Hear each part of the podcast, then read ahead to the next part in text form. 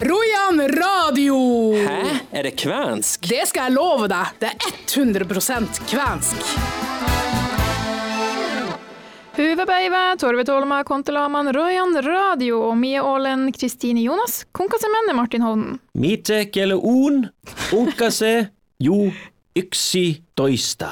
Ja, Martin, klokka er faktisk eh, blitt elleve. Hvor flirte du? Hva var galt med uttalen min? Nei, det var veldig bra uttale, faktisk. Ja. Eh, vi skal ha Royan Radio som vanlig. Hva skal vi finne på i dag? Ja, Vi har snakka veldig mye om eh, kvenfolkets dag i det siste. Sikkert på alle de siste radiosendingene, men i dag så begynner det faktisk å nærme seg. Det er under to uker til kvenfolkets dag. Så vi har fått eh, generalsekretær i Norske Kveners Forbund, Royan Kvenelito, Ivar Johnsen. Han skal fortelle litt om eh, hvordan de har valgt å løse feiringa i år. I tillegg skal eh, blogger og skribent Unni Elisabeth Eriksen fortelle litt om historien bak hennes eh, eh, prosjekt Kvensåpa. Eller ikke prosjekt, hun har lagd en såpe, og så har hun kalt den for Kvensåpa. Men det var litt artig, så vi skal høre litt mer om det. Jeg, var, jeg ble overraska over hvor hun bodde. Det, det er litt overraskende, det må man vente og høre. Det er faktisk eh, mange kvener rundt omkring i landet, så, og sikkert mange som ikke vet at de er kvenske heller. Så blir det jo de vanlige spaltene, selvfølgelig. Um, og aller først nå så blir det dagens sak. Er du klar for det, Kristine? Yes.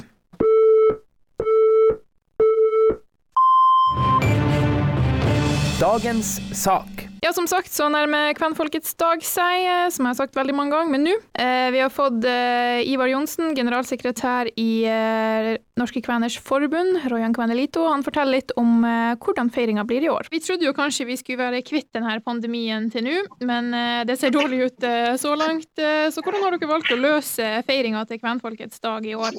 I år så kjører vi en digital, digital løsning fra sentralt hold, der lokallager, institusjoner osv. er invitert til å komme med en hilsen. Tillegg så blir det opplesning av dikt på kvensk, og det blir, et, det blir et fint program. Vi har ikke alle detaljer eh, klare ennå, men vi, vi jobber med det. Eh, Hva med privatpersoner? Får de noen mulighet til å delta på det digitale arrangementet? Ja, det, det blir et helt åpent eh, arrangement som alle kan, kan delta i. Og Ja. det, de, de, vil, de vil finne informasjon på våre nettsider når det begynner å nærme seg, nærme seg dagen. Det, blir noen, det blir noen timer på ettermiddagen vi har et sånt åpent arrangement. Og det vil skje noe i noen lokallag også, men eh, av pandemien så er det jo veldig vanskelig å si hvor mye de kan ha. Jeg vet at her i Kvænangen der vi er nå, så har de planer om å ha et, eh, et arrangement, men det er, det er usikkert på hvor, hvor åpent det kan bli. I dag så koker vi sima, som er et finsk mjød som vi skal servere på, på dagen etter planen. Og vi har, det er, det er mange, mange planer. Hva du tenker om at uh, dere i hvert fall får uh, utført det digitalt, da? Ja, det er selvfølgelig bedre enn en ingenting. Det, vi skulle jo gjerne hatt arrangementer rundt omkring i alle lokallag og rundt omkring på, i, i hele landet, men det, det er det de fleste. Vi velger nok ikke å gjøre, gjøre det på den måten. Det er noen lokallag som vil være med på det digitale direkte, og så er det noen som vil ha noen egne arrangementer og sånt noe, men det, informasjon om det her kommer etter hvert. Vi har ikke fått fulle oversikten ennå. Eh, hvorfor er det så viktig å, å kunne ta den dagen og faktisk lage en liten feiring ut av det, selv om vi nå er i en situasjon hvor det er litt vanskelig? Altså den, den dagen har vist seg å bety veldig mye. Vi feira den første gang i 2014. Og den har vokst og vokst og vokst i, for hvert eneste år. Den får mer og mer eh, oppmerksomhet, ikke bare fra kvæna, men fra, også fra, fra mye av resten av, eh, av befolkninga. Og for kvæna så er det her blitt en veldig viktig dag. Man trenger noen symboler, noen markeringer. Og Kvenfolkets dag har blitt den viktigste dagen for mange, mange kvener i løpet av året. Hva du anbefaler folk der hjemme å gjøre for å kunne feire dagen litt, eh, gjøre det litt ekstra? Tja, det må kanskje være å bake, bake ei kvensk tekake og eh, ta fram flaggene hvis de har noen kvenske flagg, og delta på, på nettsida på, på nettarrangementet. Enn du sjøl, hva du har planlagt? Jeg har planer om å være her i, i Kvænangen, sånn at jeg deltar nok på det arrangementet som skjer her i Kvænangen. Vær stille. Det var en gang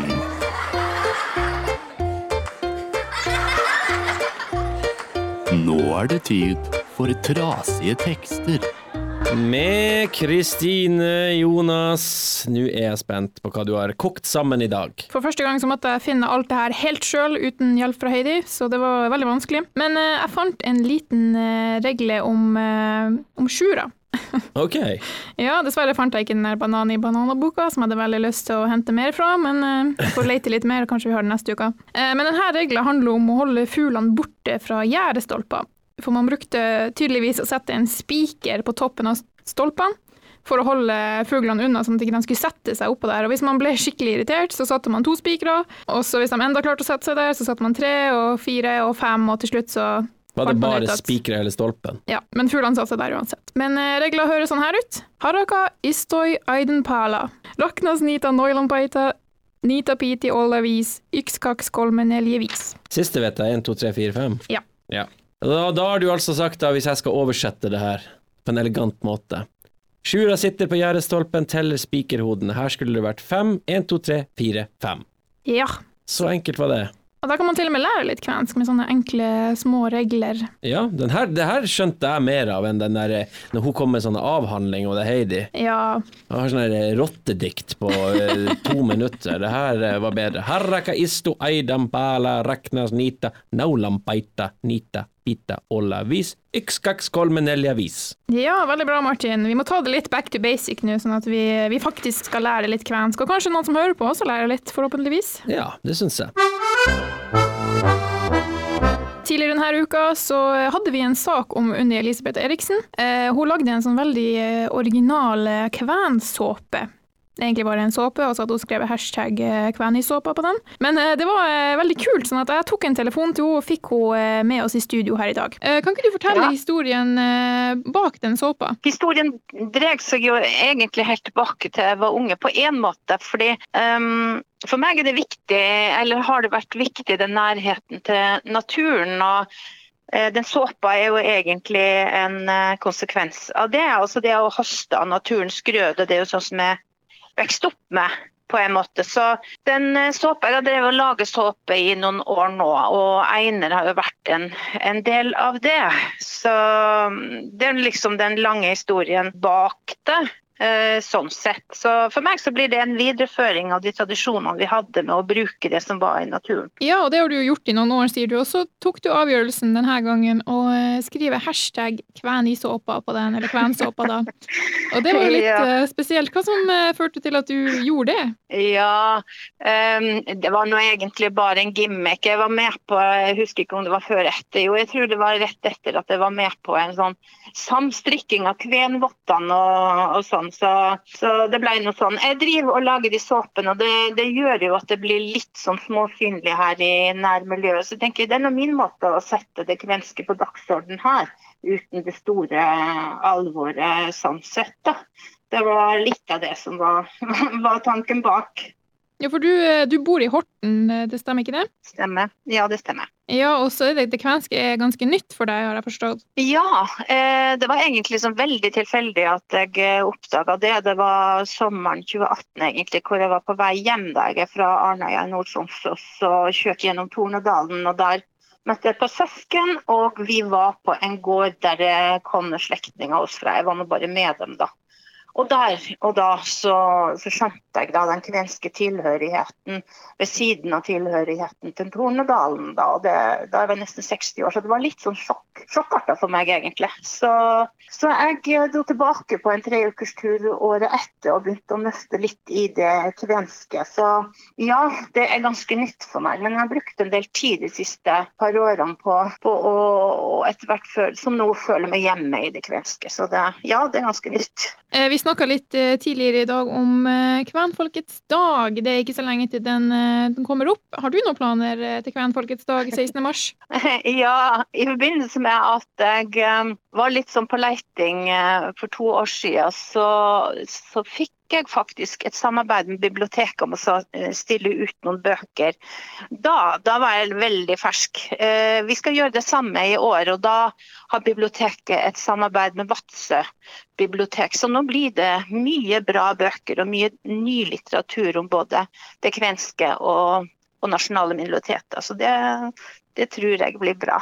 Ja, og hvor kan folk kan se det her? På biblioteket i Horten. Så det blir satt opp fredag den 12., og så blir det fram til 17. og 18. Jeg er ikke helt, helt sånn uh, sikkert på det, men i hvert fall fra den 12. til den 16. 17. Og det var det vi rakk på sendinga i dag. Takk til Kristin Jonas for all sin hederlige innsats.